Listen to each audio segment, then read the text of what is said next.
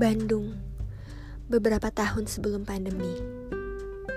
Kamu ada di balik kemudi mobil yang melaju pada sebelah kiri. Sembari menyetir, sembari memangku anak bungsu yang masih bayi. Tidak terhitung sudah berapa kali mobilmu diberhentikan polisi. Tapi kamu bisa apa? Kamu tinggal di kota ini hanya bertiga.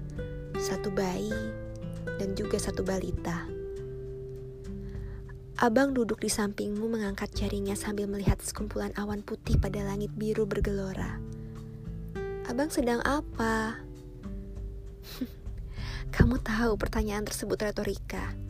Toh abang tidak pernah menjawab apa pun yang sifatnya kata-kata. Abang tersenyum sendiri, melambaikan tangan ke atas berkali-kali. Abang suka awan.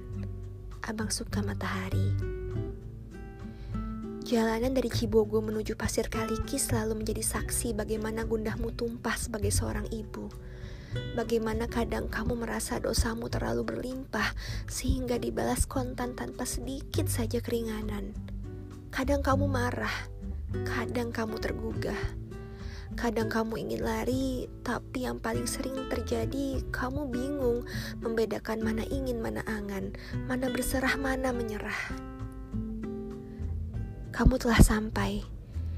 Mobilmu berhenti pada parkiran di depan rumah sakit yang aromanya selalu khas dan menyesakan. Kamu menoleh kepada abang. Dia tertidur, tersenyum. Anak paling tampan yang pernah hadir pada bola matamu. Kamu menangis, entah karena bersyukur atau sebatas meringis. Kamu tepuk wajah abang sembari berkata, "Abang, Bangun, ayo kita hadapi hari ini.